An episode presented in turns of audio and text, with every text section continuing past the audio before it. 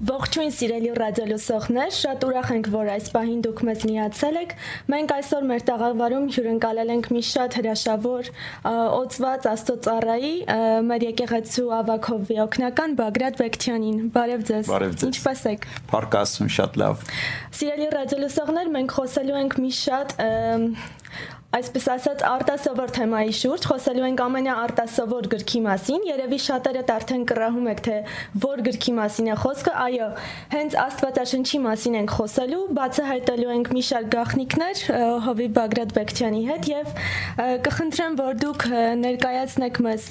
աշխարհում կան շատ գրքեր։ Ինչու է Աստվածաշունչը համարվում գրքերի գիրքը, ինչու ամենաարտասովորը։ Շատ բարի, գիտեք, այդ անվանումը չի տրվել մեր կողմից, այսինքն մեր եկեղեցու կողմից, մի խումբ քրիստոնյաների կողմից, դա տրվել է գիտական շրջանակների կողմից հետազոտելով աշխարհում գտնվող բոլոր գրքերը այսօր եթե ինչ որ մի գիրք վաճառվում է 1, 2, 3, 10 միլիոն քանակությամբ ինչ որ մի գիրք եթե թարգմանվում է մոտավորապես 10-15 լեզուներով դա համարվում է ամենավաճառվող, ամենա տարածված գրքերի շարքի ցուցակի մեջ իսկ Աստվածաշունչը համեմատելով մնացած գրքերի հետ, որոնք գոյություն ունեն, պատմության ընթացքում որոնք գոյություն են ունեցել եւ հետազոտելով, տեսնելով ինչքանակությամբ է այսօր տարածված Աստվածաշունչը, ինչքան որ գիրքն է ավելի շատ մարդը կարդացում, այդ բոլոր տվյալները համեմատելով եկել են այն եզրակացության եւ համեմատական այդ ամենի համեմատական եզրակացության հետևանքով Աստվածաշնչի նման գիրք գոյություն ունի այս երկրագնդի վրա։ Մի քանի թվեր կարող եմ ես ասել, միայն վերցել եմ Աստվածաշնչյան ընկերության 14 թվականի տվյալները, Աստվածաշնչյան ընկերության այդ տվյալներով այդ տարվա մեջ մոտավորապես 30 միլիոնից ավելի Աստվածաշունչ է տարածվել։ Դա ամենից շատ պահանջվող գիրքն է երկրագնդի վրա։ Դա ամենից շատ կարդացվող գիրքն է եւ մենակ 2014 թվականի տվյալներով 428 միլիոն ավետարաններ, սաղմոսներ նոր կտակարան, այսինքն տարածվել է մենակ 2014 թվականի տվյալներն եմ ես ասում։ Աստվածաշունչը ամենից շուտ թարգմանված գիրքն է։ Դա նշանակում է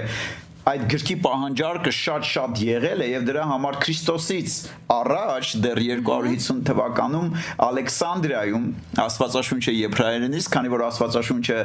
5 կտակարանը գրվել է եբրայերենով, այնուհետև մենք կասենք, որ նոր կտակարանը գրվել է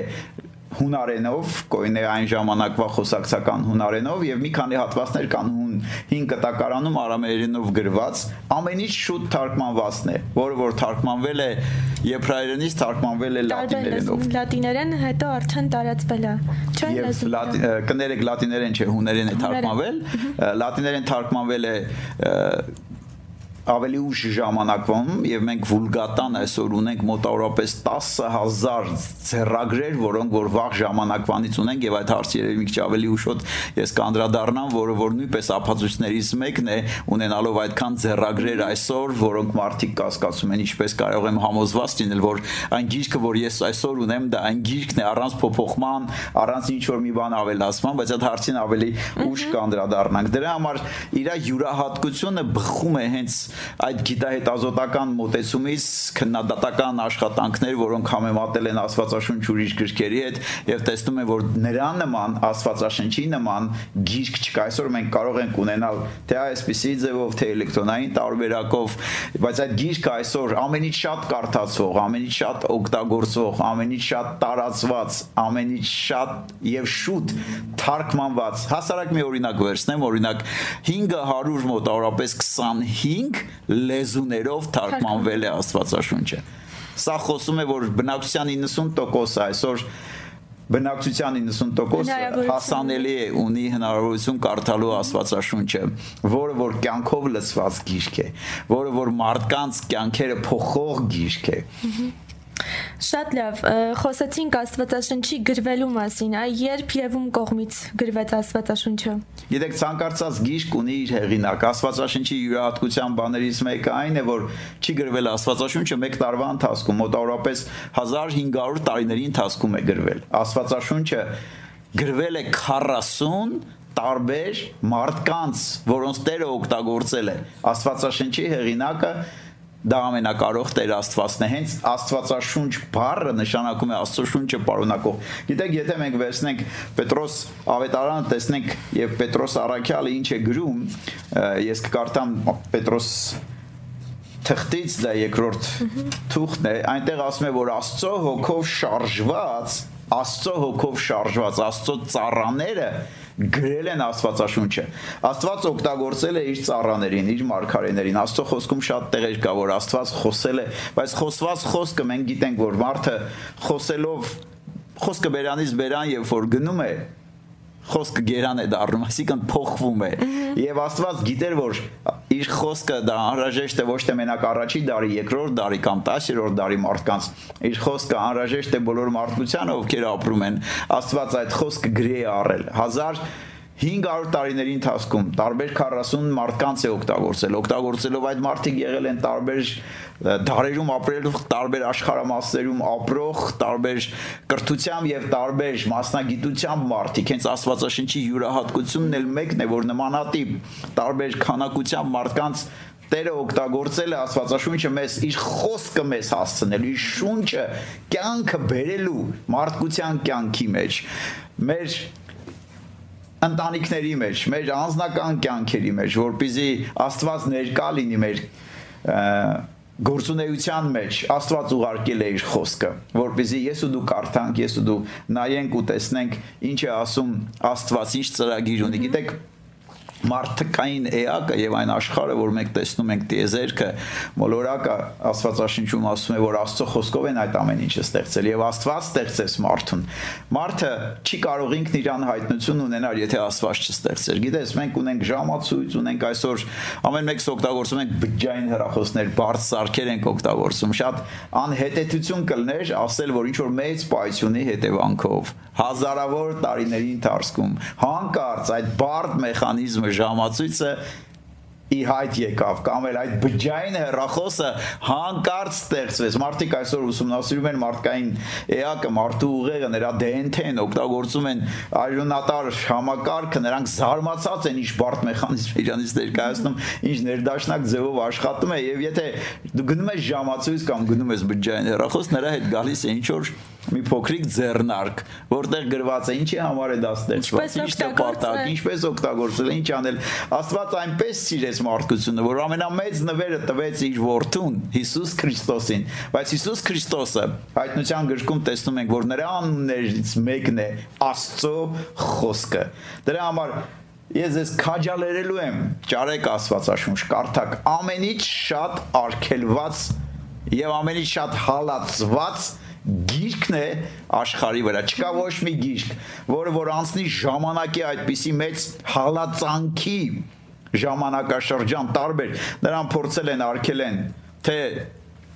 հին աշխարի տարբեր ղեկավարներ, նրան փորձել են արկել են, հալածեն։ Ես կարող եմ հալածանքներից մեկը ասել 300-ական թվականներին հռոմեական կայսր Դեոկլիտնիոսը արկելեց Աստվածաշնչի որևիցե մի հատված, եթե գտնեն ինչ որ մեկի տանը, նրան մահապատժի, նրա ընտանիքը, նրա երեխաներին ստրկության էին վաճառելու։ Եվ եթե ինչ որ մեկը հանկարծ լիներ Քրիստոսին հետևորդ, լիներ կառավարական շրջաններում, ինչ պաշտոն կառավարական, ինչ գործ, բիզնես, ինչ աշխատանքի մեջ լիներ ներգրաված, նրան աշխատանքի կողմից անում էին անմիջապես վաճառելով ամբողջ ունեցվածքը եւ ստրկության մատնելով իրենց մահապատժի ենթարկելով ընտանիքի անդամներին ստրկության վաճառելով բայց մոտավորապես չի անցնում մի քանի տասնամյակ քրիստոնեությունը աստծո խոսքը դարվում է ամենահարգված գրքերից մեկը հռոմեական ողջկասության մեջ Եվ գիտենք իհարկե Հայաստանում քրիստոնեությունը մինչև դա դարձել է պետական կրոն, եւ եթե գնաք Երևանում Մատենադարանը կտեսնեք այնտեղ Դուք կտեսնեք ամենահին, ամենահին ձեռագրեր 4-րդ դարի, 7-րդ դարի, 11-րդ դարի, թե հայերեն, թե հուներեն։ Շատ լավ։ Կխնդրեմ, որ հակիրճ ներկայացնեք մի քանի թվեր Աստվածաշնչյան պատմությունների, գրքի բովանդակության եւ հերոսների հետ կապված։ Շատ բարի։ Աստվածաշնչի հեղինակը ասեցինք Աստված իր խոսքն է ուղարկել մարդկության համար։ Աստվածաշնչում զարմանալի բաներից մեկը այն է, որ թե ծննդոցից, թե հայտնություն դու տեսնում ես նրա ներդաշնակությունը։ Դու տեսնում ես պատմություններ կամ պատմական գրքեր 66 գրքից է բաղկացած։ Պողոս Արաքյալը Տիմոթեոսին գրում է. «Քո մանկությունից դու գիտես սուրբ գրքերը»։ Եվ այսօր որ մենք ունենք մեր зерքը Աստվածաշունչը, նա ասում է այդ ամեն մի գիրք Աստծո շունչն է իրանից ներկայացնում։ Խոսելով տարբեր ժանրերի գրքերի մասին, խոսելով տարբեր մարդկանց կյանքի տարբեր հարցերի, այսօր հուզող հարցերի պատմությունների մասին։ Այնտեղ խոսում է ընտանիքի մասին, այնտեղ խոսում է սուտ խոսելու կամ խափելու մասին։ Այնտեղ դու կարող ես տեսնել Աստվածաշնչում խոսում է հոմոսեքսուալիզմի, միասեռության մասին, մեղքի, մեղքի փրկության, մարդու հավիտենականության կյանքի, բայց այդ ամենի հետ միասին դու գտնում ես մի գիծ, որը որ հենց սկզբից մինչև վերջ կա Աստվածաշնչի բոլոր էջերի մեջ։ Դու տեսնում ես մարդկության փրկության Ոչ միայն մարդու ստեղծման պատմությունն ես դու այստեղ տեսնում, տեսնում ես մարդու փրկության, որը որ փրկություն է Աստծո որդի Հիսուս Քրիստոսի Գոլգոթայի վրա կատարած խաչի միջոցով է եւ նրա անվան, նրա անուն ամեն կանչողը կփրկվի ասում է Աստվածաշունչը։ Դու տեսնում ես այդ ողջ պատմությունը, այդ գիծը տեսնում ես։ Չնայած շատ շատ բաներ են աշխարհում կատարվել եւ ես կուզեմ կարդամ Հովանեսի ավետարան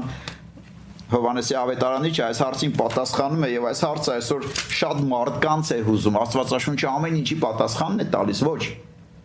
Աստվածաշունչը տալիս է այն հարցերի պատասխանը որը գլխավոր են ու առաջնահերթ են մարդուն ապրելու այս երկրի վրա եւ փրկություն ստանալու դրա համար էլ Հովանեսի ավետարանում ես կկարտամ դա 20-րդ գլխի վերջի երկու խոսքերն են Եվ այսպես է ասում, Հիսուսը շատ հրաշքներ արել, շատ նշաններ, որոնք որ չեն գրված, որովհետև եթե գրված լինեին, ապա աշխարհի գրքերը բավական չէին լինելու։ Եվ այնուհետև ասում է, այս ամենը գրվեցավ այն ինչ որ որ գրված է եւ այն ինչ որ մենք ունենք մեր ձեռքում ու փառք Աստծուն մենք առաջի գիրքը որը որ թարգմանվել է հայերեն որ այսօր մենք ունենք եւ կարող ենք կարդալ եւ հասկանալ դա եղել է Աստվածաշունչը եւ կարդում ենք եւ ասում է այդ ամենը գրվել են որպիսի հավատանք որ Հիսուսն է Քրիստոսը Աստծո միածին որդին միակ ճշմարիտ Աստված եւ այնուհետեւ շարունակում է եւ այդ հավատքի միջոցով կարողանանք կյանք ունենանք ապրենք այս երկրի վրա Շատ լավ։ Այնուամենայնիվ կցանկանայի որ թվեր տայք պատմությունները մոտավորապես բովանդակությունը, այ հերոսները ինչպես են ընտրվել, շատ բարի։ Ես կցանկանամ մինչև դրա մասին խոսեմ, մի հարց եմ ուզում նույնպես պատասխանեմ դրա հետ միասին։ Աստվածաշունչը 5 կտակարան եւ նոր կտակարան։ Երբ որ Հիսուսը եկավ իր աշակերտների մոտ, նրանք զարմացած էին, նրանք կարդում էին Աստվածաշունչը, չէին հասկանում։ Եվ հետագյալ հարցը ասեց, ասեց. Այն ամենը կատարվեց, ինչ որ գրված էր իմ մասին գրքերում։ Եվ նա սկսեց բացատրել, աղոթեց միտքը բացեց աշակերտների, որ նրանք հասկանան։ Նոր կտակարանում 300 մեջբերումներ կան 5 կտակարանից, մեկը մեկի հետ կապելով։ Հերոսները, որոնք որ ընտրված են, այդ հերոսների միջոցով ամեն մի գրքի մեջ, ամեն մի գլխի մեջ դուք տեսնում ես, դուք տեսնում եք, տեսնում եք գլխավոր հերոսին, դուք տեսնում եք պատմություններ, որի միջոցով հին կտակարանը նախապատրաստում էր Քրիստոսի գալուստին, որովհետև հենց ծննդոցի առաջի գրքից մենք տեսնում ենք մարդու անկումը, որը փրկության կարիք ունի։ Եվ այսօր ամեն մարդը, որ ունի Քրիստոսին փրկության կարիք ունի, եւ տեսնում ես փրկության պատմությունը, որը որ գեղեցիկ ձևով շարադրված է ամբողջ գրքերի միջոցով։ Եվ հին կտակարան նախապատրաստում է եւ գալիս ենք ավետարաններին ավետարանը պատմում են այդ փրկության մասին թղթերը բացատրում են այդ փրկության միջոցով ինչ կատարվեց հայտնության գործ առաքելոցը շարունակում է, որովհետև Քրիստոսի խաչելությամբ եւ նրա հարությունով չավարտվեց մարդկությունը շարունակում է ապրել եւ այն մարդիկ ովքեր որ այսօր էլ են ապրում ամեն մի մարդ արարած փրկության կարիք ունի որը միայն Քրիստոս Հիսուսի միջոցով է եւ դրա համար գործ առաքելոցը շարունակում է հայտնության գիրքը ամփոփում է եւ այսօրվա թեմայի շուրջ որ մենք խոսում ենք Աստծո խոսքի յուրահատուկ ամենաարտասավոր գիրքը, որը որ այս աշխարհում գոյություն ունի, որը որ իր ազդեցությունն է թողել մարդկանց կյանքի վրա, հասարակության վրա, իր ազդեցությունն է թողել քաղաքակրթությունների վրա։ Դա է պատճառը, որ Աստվածաշունչը իր այդ պատմությունների միջոցով չնայած դրանք հասարակ պատմություններ են, իրական պատմություններ են, որը որ երբ որ մենք կարդում ենք այդ ազդեցության միջոցով նույնպես Աստվածաշունչը համարվում է արտասավոր գիրք, արտասովոր գիրք։ Իր ազդեցիկությամբ։ Իր ազդեցիկությունը քաղաքակ մարդկանց կյանքի Աստծո խոսքը զորավոր է։ Եբրայեցիս թղթե հեղինակը ասում է կյանքով լցված է եւ այդ կյանքը կարողանում է մարդկանց կյանքի մեջ փոփոխություն բերել որովհետեւ որտեղ կա աստծո զորությունը որտեղ կա աստվածային կյանքը առակած գրքի հեղինակն ասում է իմ խոսքս դեղ է եւ բժշկություն քո մարմնի համար։ Շատ զարմանալի է, մարդիկ զարմանում են նրա մարգարեական էությունը համեմատելով։ Աստծո խոսքի մեջ, ինչպես ասեցի, տարբեր ժանրի գրքեր կան, կան պատմական գրքեր, կան պոետիկ գրքեր կան, սաղմոսներ, կավետարաններում խոսում է Հիսուս Քրիստոսի մասին, մարգարեական գրքեր, առակներ կան, շատ առակներ, որ մենք օգտագործում ենք, դա Աստվածաշնչի մեջից վերցված առակներ են։ Փոսփորողը փոսի մեջ կանգնի, քար գլորողը քարը կպտտվի իր վրա կգան։ Սրանք իմաստության եւ հենց առակած գիրքը դրանով է սկսում, որ եթե ուզում ես իմաստուն լինես, լսիր իմ խոսքը, բայց Աստվածաշնչի յուրահատկության բաներից մեկը դրանք մարգարեություններն են։ Մարգարեներ, որոնք որ մարգարեացել են 300, 500 Քրիստոսի մասին մարգարեներ, որոնք մարգարեացել են մինչև Քրիստոսի գալը 1000 տարի առաջ, ճշգրտությամբ կատարվել են այդ բոլոր մարգարեությունները կան մարգարեություններ որոնք որ դեռ ապագայում պիտի կատարվեն եւ որոշ մարդիկ ասում են այդ մարգարեությունների կատարման հավանականությունը դա բախտները բերեց մարգարեների նրանք մարգարեացան բայց չի կարող կա հավանականության տեսություն որին ես չեմ ուզում ավելի խորը անդրադառնամ բայց ֆիզիկայի եւ մաթեմատիկայով զբաղվող ովքեր որ գիտական շրջանակներում նրանք ավելի լավ գիտեն ինչ է ներկայացնում հավանականության տեսությունը այդ մարգարեությունների կատարման հավանականությունը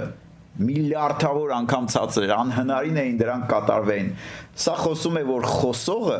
ինչպես Աստվածաշունչը ասում է։ Նա ապրում է ժամանակից դուրս, նա գիտի, նա ալֆան ու սկիզբն է։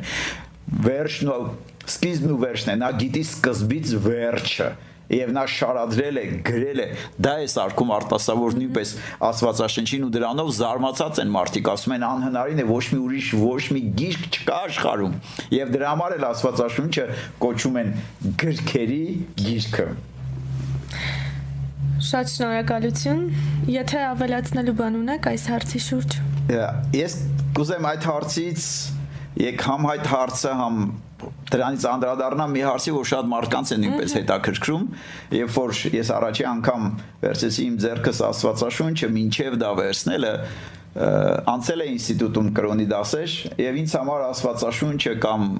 աստվածաշյան պատմությունները ես մտածում եմ դրանք առասպելներ են, հեքիաթներ են։ Մի բան, որը որ կապ չունի, ասեն որ առասպելը, հեքիաթը դրանք այսպես են սկսում, ինչ որ մի ժամանակ, ինչ որ մի թակավորությունում ապրում էր ինչ որ մեկը։ Երբ որ կարդում ես աստվածաշունչը, աստվածաշունչը առասպել չի, հեքիաթ չի։ Հստակ գրված է, պատմական դեպքեր են։ Հիսուս Քրիստոսից սկսած ամեն մի դեմքը երբ որ Ղուկասը գրում է ասում է օգոստոս կայսեր ժամանակ երբ որ խոսում է մեր տիրոջ ծնունդի մասին Բեթլեհեմ քաղաքում որ որ այսօր գոյություն ունեցող քաղաք է երբ որ կարդում ես այդ ամեն ինչը առասպելը դա երևա եկ այսպես ասեմ հորինված պատմություններ են աստվածաշունչը դա հորինված պատմություններ չեն մարդկանց է տեղեր դեպքեր փաստեր որոնք որ պատմականորեն ապացուցված են Աստվածաշինչ գրքի նկատմամբ քննադատական աշխատանքներ են ներկայացվել կա այսպեսի բաժին պատմական քննադատություն այսինքն համեմատելով այդ դեմքերի անունների նույնիսկ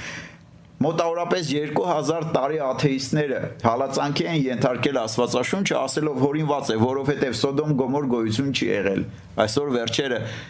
հայտնաբերված պեղումների հետևանքով հնյագիտությունը այսօր որոնք որ զբաղվում են հին աշխարհի այդ պեղումների հետևանքով հայտնաբերված սալիկներում տեսել են որ գրված են Սոդոմ Գոմոր քաղաքների մասին ասել են քաղդեացիների ուր քաղաք չի եղել այդ պատմությունը որ Աբ รา համը դուրս եկավ այնտեղից նման քաղաք գոյություն չի ունեցել մոտավորապես 1900 միջև թվականը 1900 ականների սկզբին պեղումների հետևանքով հայտնաբերել են Խաղդեացոց ուր քաղաքը զարմացել են երբ որ այնտեղ քթել են սալիկներ որտեղ որ արձանագրվում են մարդկանց անուններ առևտուրի տարբեր առօրյայի հետ կապված հարցեր քթել են Աբ รา համ անունը տարածված անուններից մեկն է եղել այդ ժամանակաշրջանում Եվ ես կարող եմ նմանատիպ շատ փաստեր բերել, շատ փաստեր բերել, որի հետևանքով ուղղակի այսօր այդ հարցը փակված է Աստվածաշնչի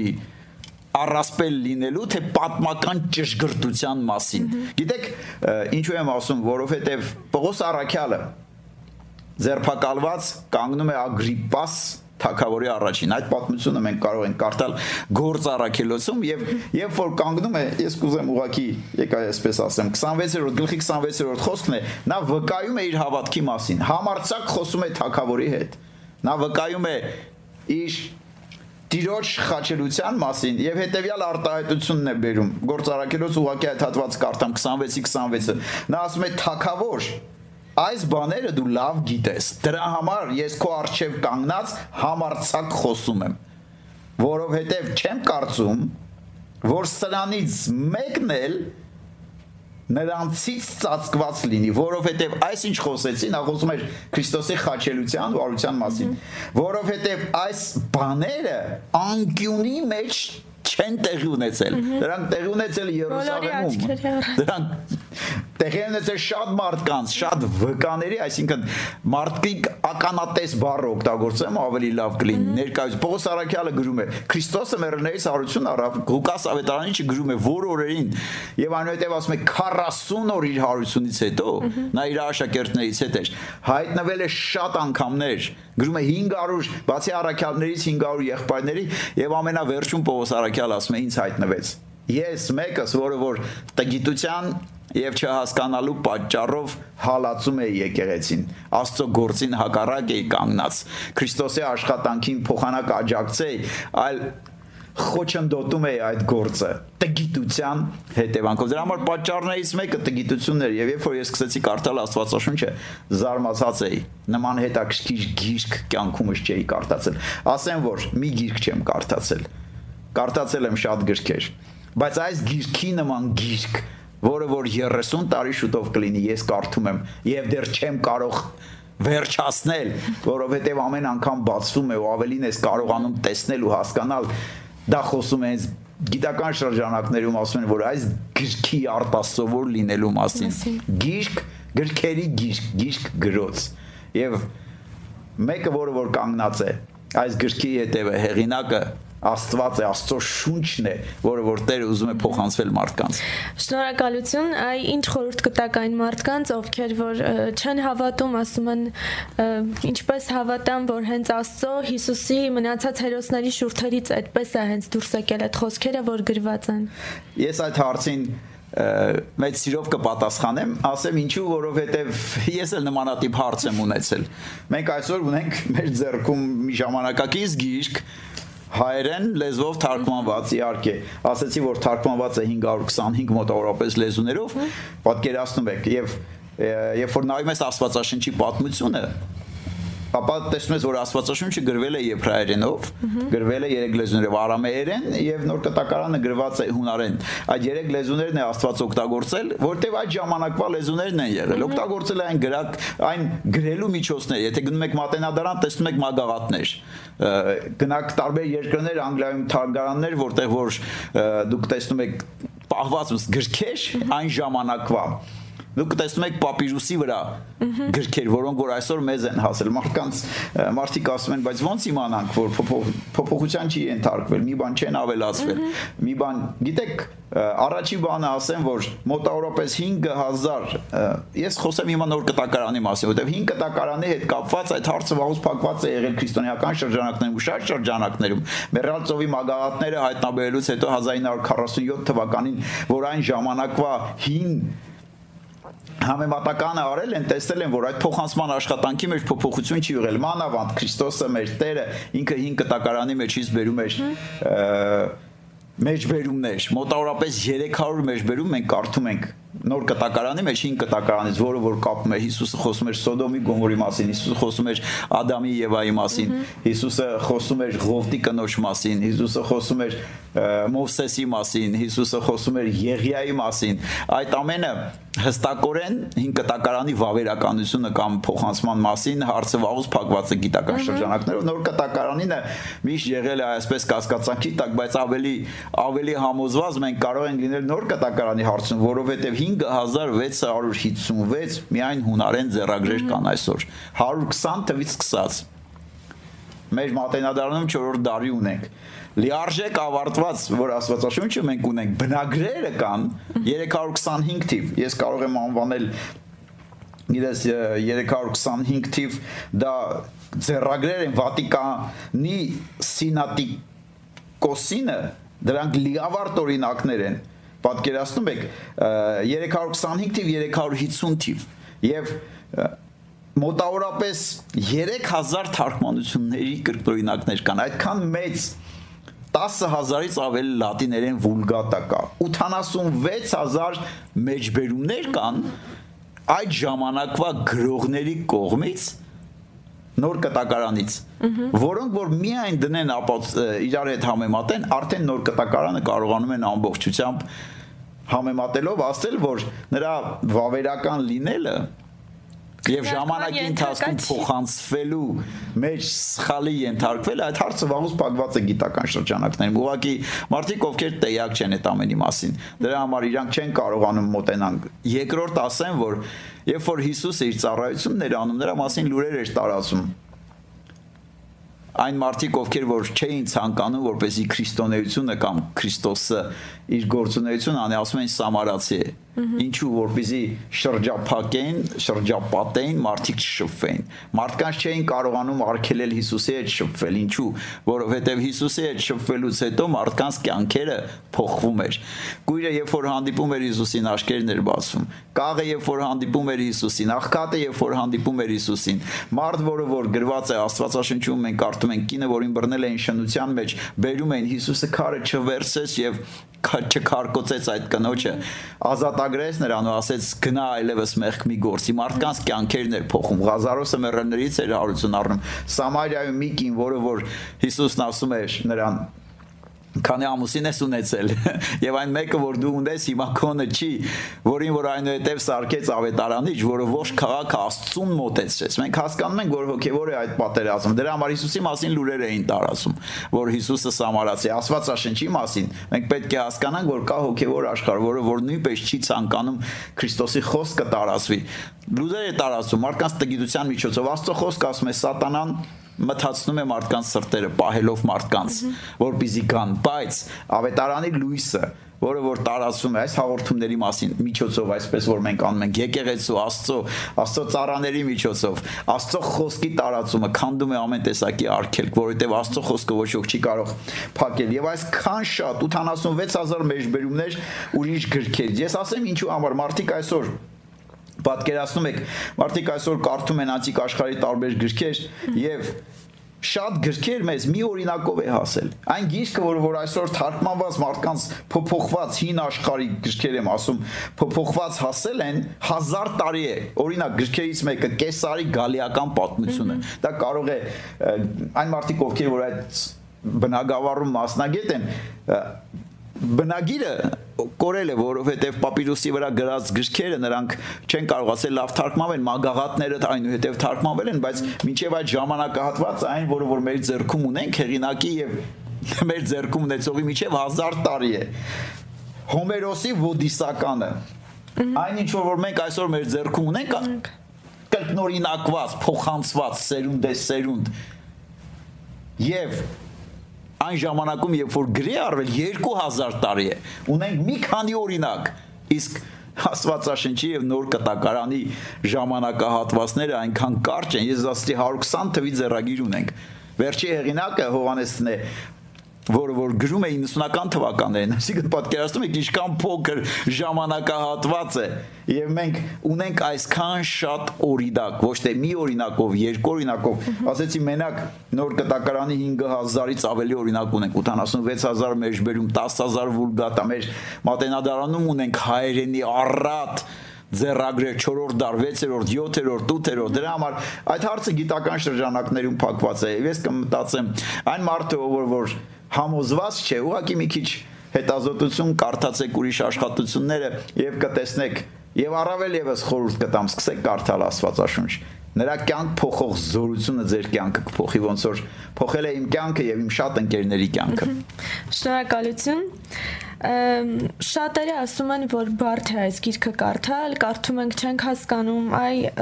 կրթվածության աստիճանի հետ կապ ունի, դա թե ոչ։ Ես ասացի, որ ինչի հետ Աստվածաշունչը գրվել է, նոր կտակարանը գրվել է խոսակցական հունարենով, գիտեր կարող էր գրվել դասական հունարենով, այսինքն գրական հայերեն ոնց որ ասենք հիմա գրական հայերենով խոսենք, որովհետև շատ մարդիկ կարող է չհասկանային։ Դրա համար գրվել էր այն ժամանակվա առօրյա խոսակցական լեզվով։ Գրվել է ինչու, որպեսզի մարդը կարողանա հասկանալ, բայց նույնպես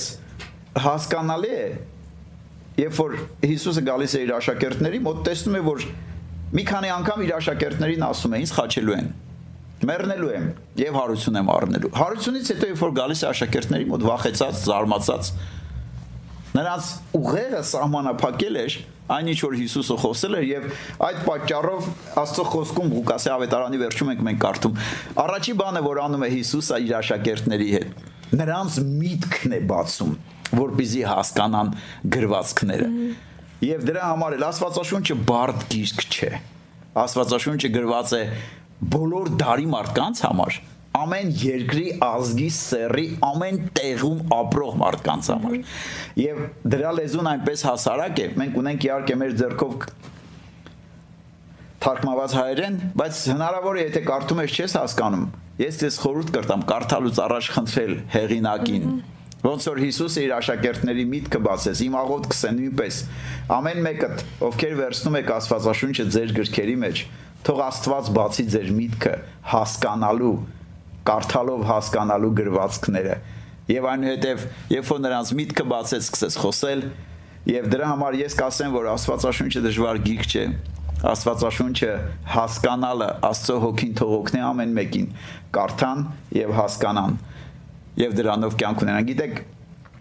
այսօր մարդիկ շուտով շուտով գալիս է զատիկը տոնելու են Քրիստոսի հարությունը եւ Քրիստոսի հարությունը Քրիստոս հայրալի մեռելոց մարդկային ուղեղը կարող է ասել ոնց ոնց ինչպես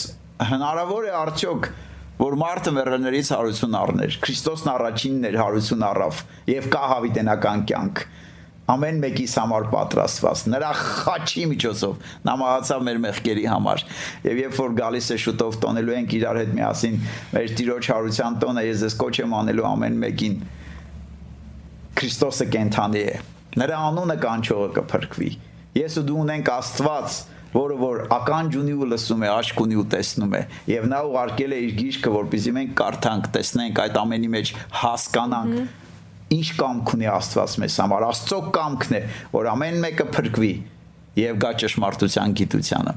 ու հավիտենական կյանք ունենա։ Իսկ Հիսուսն ասեց. ինձ հավատացողը հավիտենական կյանք ունի։ Ահա այդ հայտնությունը, որը ես հիմա կարճ մի քանի բառով փորձեցի տամ, ամփոփված ամփոփված դու գտնում ես Աստվածաշնչի սկսած ծննդոցից միջև հայտնության գիրքը այո շատ ահագին գիտելիքներ բացեցիք, որոնք որ նույնիսկ եթե փնտրենք, միգուցե եւ չգտնենք այնպես, ինչպես դուք ներկայացրիք, շատ շնորհակալ ենք։ Մենք գիտենք, որ աշխարհի բոլոր գրքերը մարդը կարող է կարդալ 3-4 անգամ ամենաշատը Բայց գիտենք նաև, որ Աստվածաշունչը եղավ հենց այն միակ գիրքը, որը մարդը ամեն օր կարդա, մի նոր բան կսովորի եւ չի կարողանա ավարտել այն։ Այ ինչ հաջողականությամբ դուք խորհուրդ կտաք, որ քրիստոնյան կարդա գիրքը։ Գիտեք,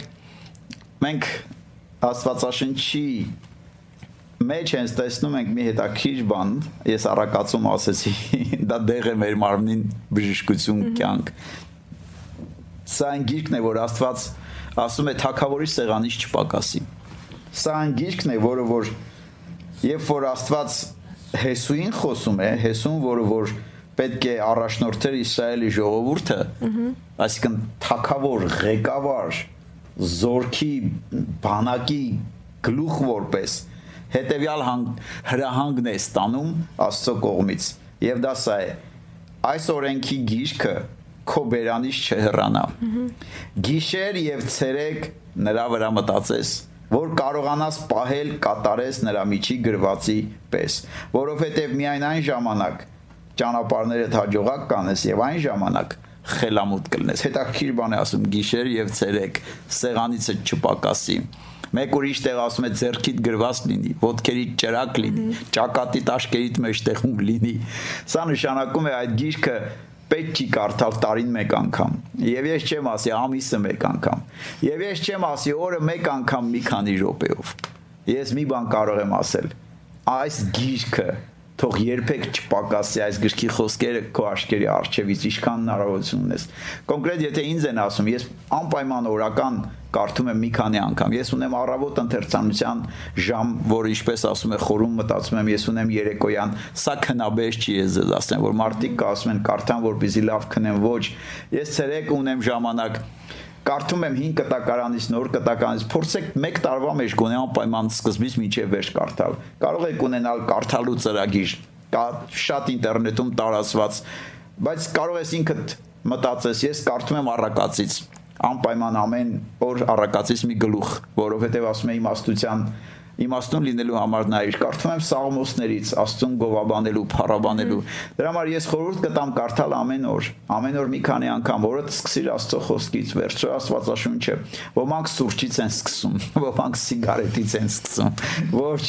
դրանք քեզ օգուտ չեն տա սկսիր աստծո խոսքից զարթնելուց վերցնելով մեկ գլուխ սաղմոսներից առակացից օրը տավարտիր աստծո խոսքով Եվ այնուհետև ինչպես Աստծո խոսքն է ասում,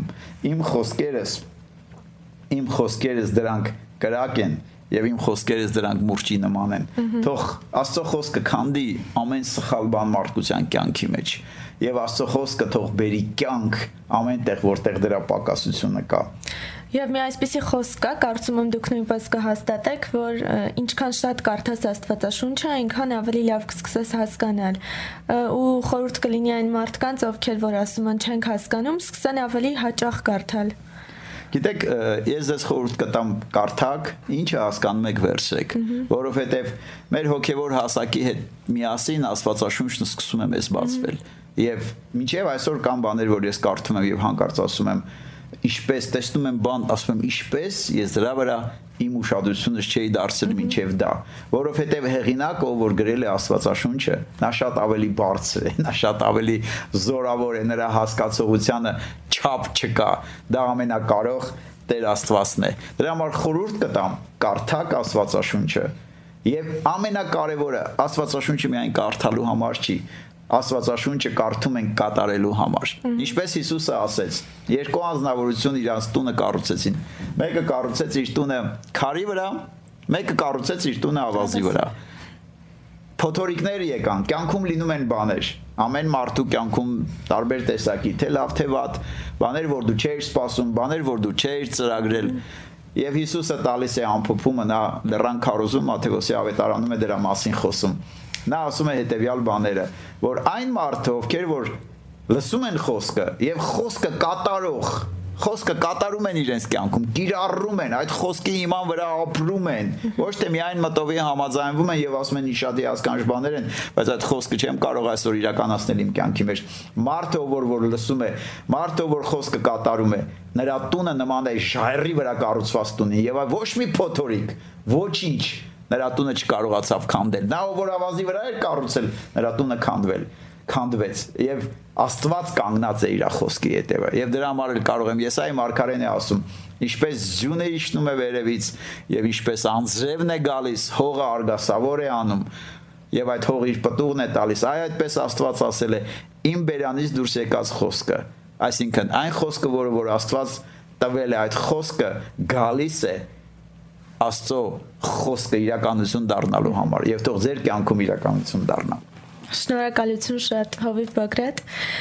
Սիրելի ռադիոլսողներ, շնորհակալ ենք, որ դուք մեզ հետ եք, մեզ լսում եք։ Մենք խոսում ենք ամենաարտասովոր գրքի մասին, որը Աստվածաշունչն է։ Կարծում եմ դուք ստացեք շատ հայտնություններ եւ ձեր կյանքով կկիսվեք։ Իրականում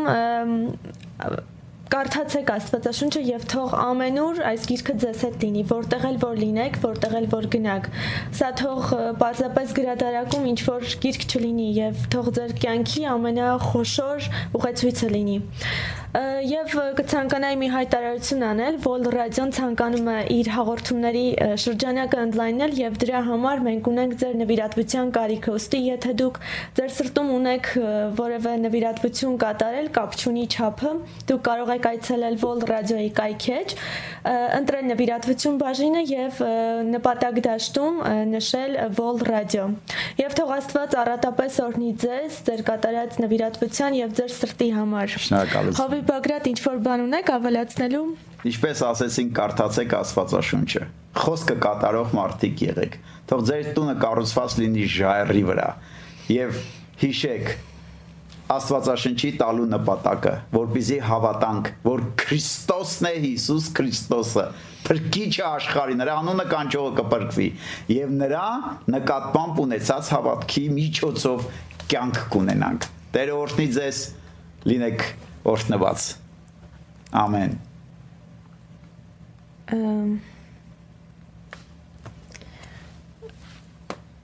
Շնորհակալություն Հովի Բագրատ իսկապես օրհնված ենք ձեր խոսքով եւ Կցանկանայի, որ մենք այսօր ավարտենք մեր եթերը, կարծում եմ մարդիկ ստացան այն հայտնությունները, այն փաստերը գրքի մասին եւ այսուհետեւ ավելի օրհնված կլինեն այն կարդալով։ Ամեն։ Ձեզ հետ գոհարներ կհանդիպենք հաջողություն